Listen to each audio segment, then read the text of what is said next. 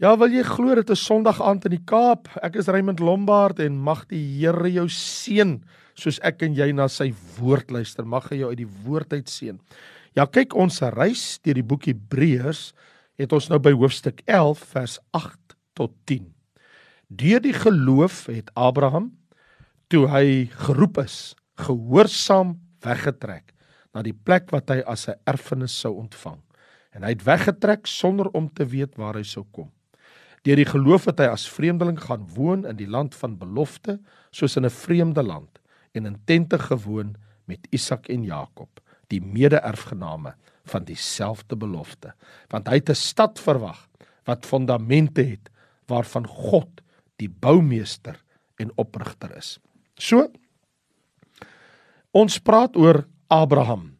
Onthou jy ons het ons begin so etlike weke terug toe praat ons mos deur die geloof het Abel vers 4 vers 5. Deur die geloof is Henog. Vers 7, deur die geloof het Noag. Vers 8 waar ons nou is. Deur die geloof het Abraham. So ons gaan nou stop vir 'n oomblik by Abraham. Deur die geloof het Abraham, die man wie God se vriend was. Wat? Wat van Abraham? Sonder enige twyfel. Abraham is die grootste voorbeeld in die ganse Bybel van geloof. Daar is niemand in die Bybel wat aan Abraham gelyk kan staan as dit kom by geloof. Laat my dink aan George Sweeting, 'n voormalige president van die Moody Bible Institute. Hy het hierdie definisie gegee oor optimisme. Hy het gesê: Optimisme is wanneer 'n 85-jarige ou man 'n 35-jarige vrou trou en hulle trek in 'n 12 slaapkamer huis langs 'n elementêre skool in. So hy het nou groot verwagtinge. Maar toe het Hughes kant Hughes hy het gesê ek het 'n beter definisie as dit. Optimisme is wanneer 'n 99 jarige ou man soos Abraham en sy 90 jarige bruid hoor by God julle gaan ouers word en dat julle nageslag gaan nie 'n skool volmaak nie. Hulle gaan die hele aarde vul. How is that for optimism? Luister wat sê vers 12 daarom is daar ook gebore uit een vader en dit is 'n verstorwene die ou man Abraham van 99 jaar oud. Kinders soos die sterre van die hemel in menigte en soos die sand wat aan die strand van die see is wat ontelbaar is. Dis wat God kan doen. Alles omdat 'n man, 'n ou man God geglo het. Abraham se lewe is opgeteken in Genesis hoofstukke 12 tot 25. Kan jy glo? Daai hoofstukke, hoofstuk 12 tot 25 al daai hoofstukke vertel ons oor die wel en wee van Vader Abraham. Nou die Nuwe Testament verwys na Abraham as die voorbeeld van geloof vir Christene. So wat die Nuwe Testament betref, ons sien mos nou hier in die boek Hebreërs in die galery van geloofshelde vind ons mos dan 'n hoeka vir Abraham. Maar as jy gaan na 'n boek soos Galasiërs 3 vers 6 tot 9 dan lees ons net soos Abraham in God geglo het is om tot geregtigheid gereken.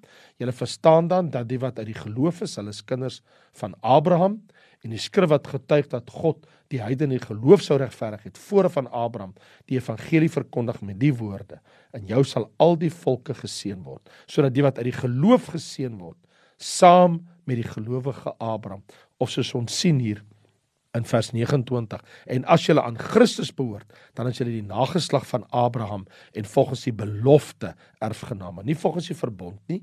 Ons is nie Abraham se fisiese nageslagte nie. Ons is Abraham se geestelike nageslagte so Abraham word in die skrif genoem die vader van die gelowiges.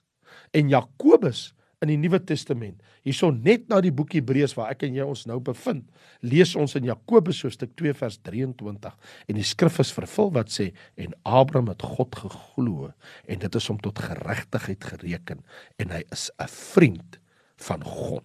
genoem. So ek wil nou jou aandag vestig op Abraham. Abraham, die man wat God se vriend was.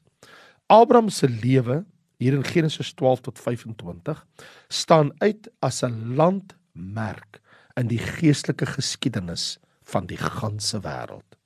Jy sien die man Abraham wie God se naam verander het na Abraham, vader van vele.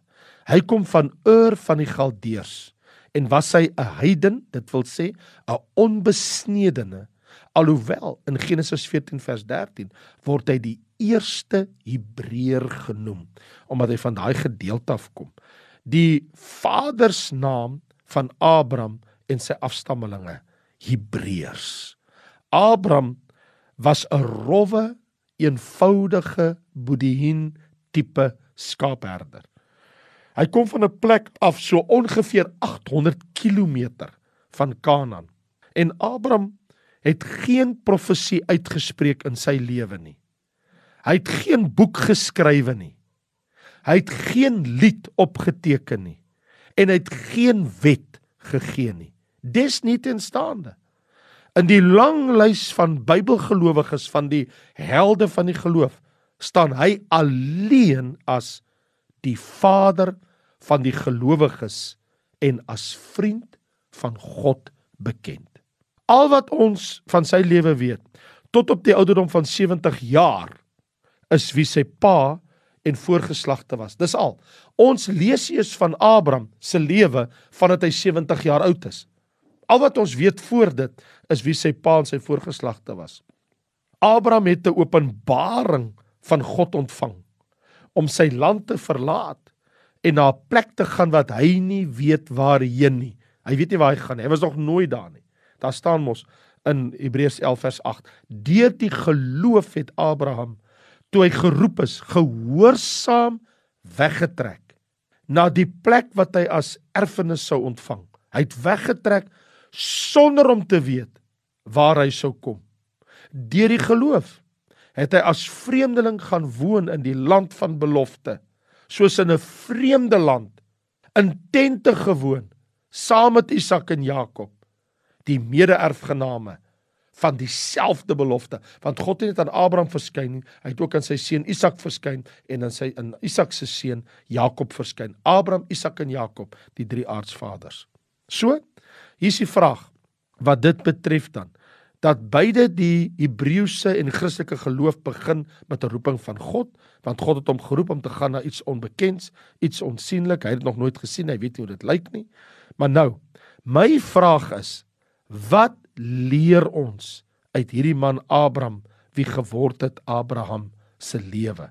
Wat leer ons as gelowiges uit Abraham? Eerstens, Abraham het geglo terwyl hy gewag het. In ander woorde, hy het bly glo al moes hy baie jare wag vir die vervulling van God se beloftes al het dit hoe onmoontlik gelyk. Dis die eerste ding. So Abraham ten tweede openbaar 'n lewende geloof soos wat ons sien in Genesis so stuk 15 as ons na daai gedeelte gaan. Hy sê Here, maar ek is nou al 'n ou man. U het nou al lankal beloof en daar gebeur nou niks nie. My vrou kry nou nie 'n baba nie en ek is nou ek is al amper dood. Ek bedoel, Here, het U dan nou nie beloof nie. En hy sê, Here, my my knegg, my diensknegg, hy sal moet alles erwe wat ek het. En die Here sê, nee, Abraham, kom staan nie buitekant, kyk na die sterre van die hemel. Hy sê nie uit jou diensknegg nie, maar die een wat uit jou eie liggaam kom, hy sal die erfgenaam wees. Kom kyk bietjie buite, kyk na die hemel, tel die sterre, kan jy hulle tel? So sal jou nageslag wees. In vers 6 sê, hy het in die Here geglo en hy het hom dit tot geregtigheid gereken. Abraham het geglo en God het hom dit tot geregtigheid gereken.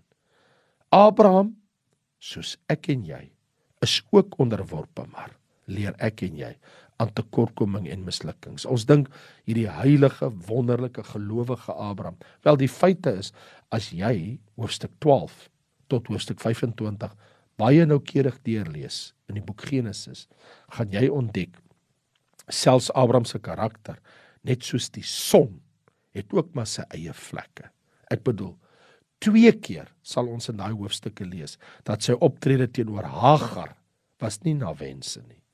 Ek bedoel sy vertrek uit Kanaan na Egipte as gevolg van droogte, Abraham se vertrek was tog sekerlik uh nie 'n daad van geloof nie. Toe dit nou ehm um, droog raak en dit reën nie. Toe vat Abraham alles en hy trek na Egipte toe. Die Here het nie vir hom gesê hy moet Egipte toe trek nie. So, hoekom het hy dit gedoen?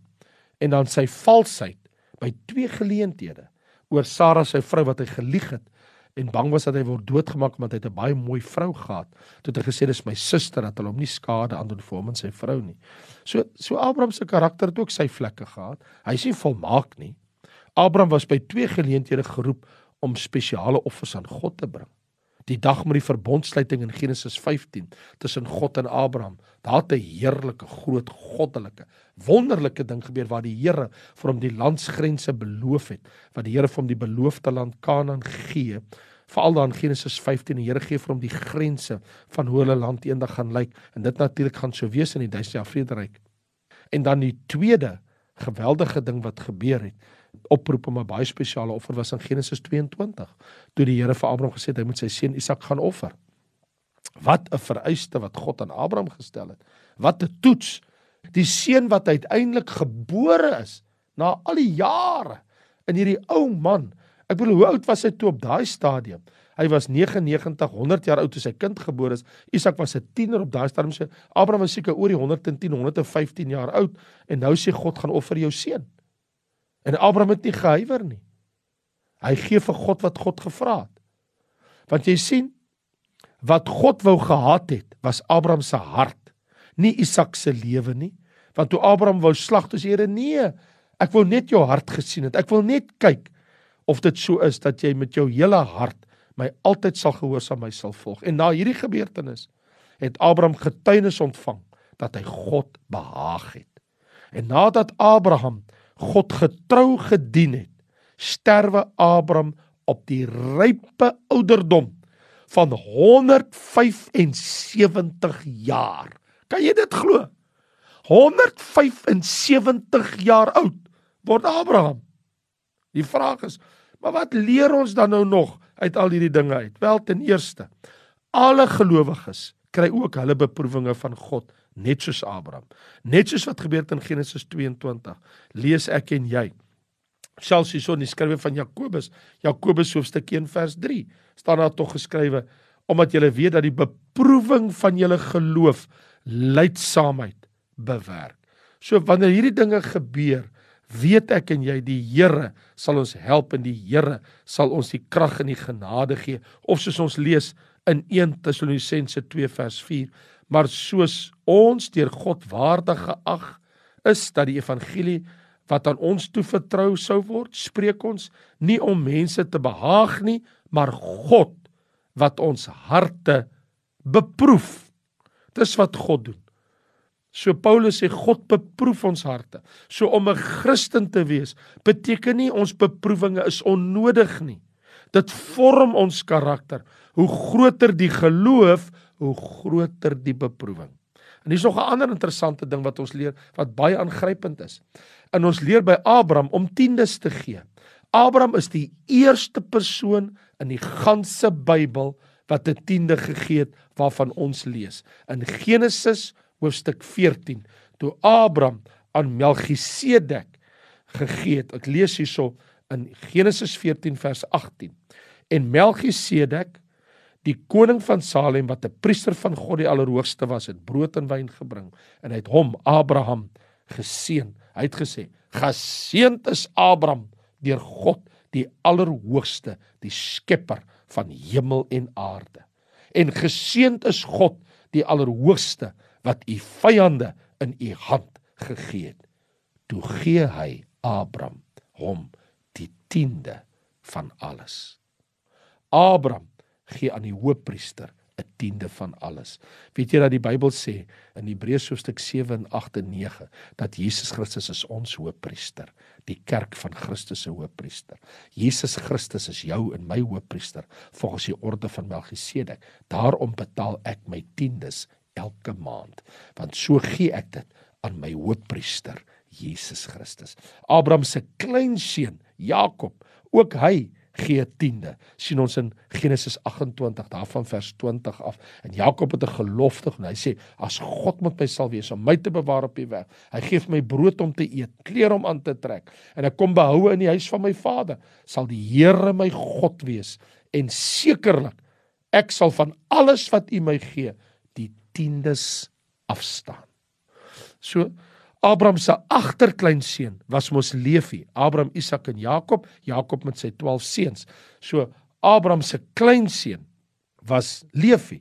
Hy het ook tiendes gegee, lees ons, en dat deur hom, deur Levi wat aan Abraham se lendene was, het hy ook tiendes gegee aan Melchisedek. So die gee van tiendes erken God se reg op ons lewe en op al ons besittings. Dis wat ons leer uit hierdie man Abraham se lewe. Geloof sien ons skyn deur die wolke. Neem Abraham se beproewinge weg, waar is sy geloof? Geloof moet beproef word. Geloof verseker dat ek wil wanneer ons geloof beproef word, dan lewe ons geloof. So geloof ten spyte van ons beproewinge verheerlik God. Soveel so dat God sê Abraham my vriend. Wat leer ons dan nou eintlik hier uit deur die geloof het Abraham. Wat ek en jy dan nou hier leer is dat ook ek en jy het heel waarskynlik geen idee of kennis van die langtermyn effek op die meeste van ons besluite nie. Nie eens Abraham het geweet nie. Behoort ek en jy nie siende dat daar langtermyn effekte en resultate is op ons besluite wat ons sien in Abraham, Isak en Jakob se lewe, Noag in hierdie mense se lewe in Hebreërs hoofstuk 11. Behoort ons dan nie versigtig die Here se leiding te soek ons besluite en ons optredes nie. Wat van om 'n vriend van Jesus te wees? As Abraham die vriend van God is, hoekom kan ek en jy nie die vriend van Jesus wees nie? Jesus sê in Johannes hoofstuk 15 vers 13 tot 15: As julle doen wat ek sê, as julle my gebooie onderhou, sal julle my vriende wees. So as ek teruggaan hier na Hebreërs hoofstuk 11 en ek kyk na deur die geloof het Abraham, dan verstaan ek ons verstaan vanuit Abraham se perspektief die volgende. 1 Die vreugde van hierdie wêreld gaan maar baie vinnig verby. Dit is van verbygaande aard.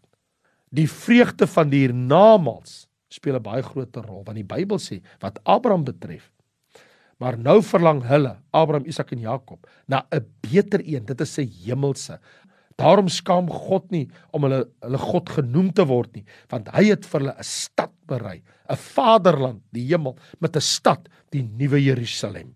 So, die vreugde van die hiernamaals dat daar 'n ewig durende oorvloedige heerlikheid is wat vir ons wag. So ons dorpe en stede en plase en huise en ons gemak in die lewe is dit vir 'n tyd lank by die ewige stad, die Godstad wat ons as kinders van God verwag, 'n stad waarin Jesus die koning is. Dit beteken dat deur die geloof in Christus Jesus is ons burgerskap in daai stad. Filippense 3 vers 9 sê mos, ons burgerskap is in die hemele van waar ons Christus Jesus verwag met sy koms. So ons is hemelse burgers. Ons is burgers van 'n hemelse stad, nie net van die aarde nie. Ons wil nie vas wees net aan aardse goed nie. En Abraham het alle aardse goed gelos in Ur van die Galdeërs getrek na Haran toe saam met sy vader en na sy afsterwe van Tera, sy vader, het hy getrek na die land Kanaan wat God gesê het. Nou ek en jy mag dalk nou nie rondswerwe soos 'n Abraham, die stamvader van in 'n vreemde land nie. Maar alle Christene op die einde van die dag is tog sekerlik pelgrimsreisigers in 'n wêreld wat nie ons in is nie. So vriende, ek moet my haas om te sluit. Ek wil vir jou 'n paar dinge sê. Laat die sandkastele van hierdie wêreld ons nie weglei van die hemelse Jerusalem nie. Die goudstad wat vir my en jou wag. Abraham het in 'n wêreld geleef waar hy nie ingepas het nie. Hy het in tente gewoon. Geen permanente strukture nie. Hy was 'n reisiger. Hy was voortdurend onderweg. Dit is 'n gevaarlike ding wanneer Christene begin om te voel hulle is besig om hulle self permanent in hierdie wêreld te vestig. Dit hoort nie so by 'n kind van God nie. Vader, Vader van die heerlikheid. Ons kom na U toe in die naam van Jesus. U woord sê deur die geloof het Abraham. Here dat U woord ook eendag oor ons sal sê, deur die geloof het Koos en Willem en Jan en Sandra. Deur die geloof het ook hulle hulle lewensreis voltooi. Gee Here dat ons na onsself sal kyk as pelgrimsreisigers, mense op pad na die ewigheid, na die hemelstad, die hemelse Jerusalem, die hemelse vaderland. Dankie Jesus dat ons ook met U kan vriende wees. Soos Abraham 'n vriend van God was, kan ons ook U vriende wees. Here, laat U seën, U vrede, U heerlikheid op ons rus terwyl ons doen wat U woord sê. En U woord sê die regverdige sal deur die geloof lewe. 3 maal in Habakuk in die woord staan daar die regverdige sal deur die geloof lewe. In Romeine die regverdige sal deur die geloof lewe. Hier in Hebreërs die regverdige sal deur die geloof lewe. Dis so ons lewe totdat U ons kom haal in Jesus naam. Amen. Mag die Here se seën en die Here se vrede op jou rus. Liefde groete baie dankie.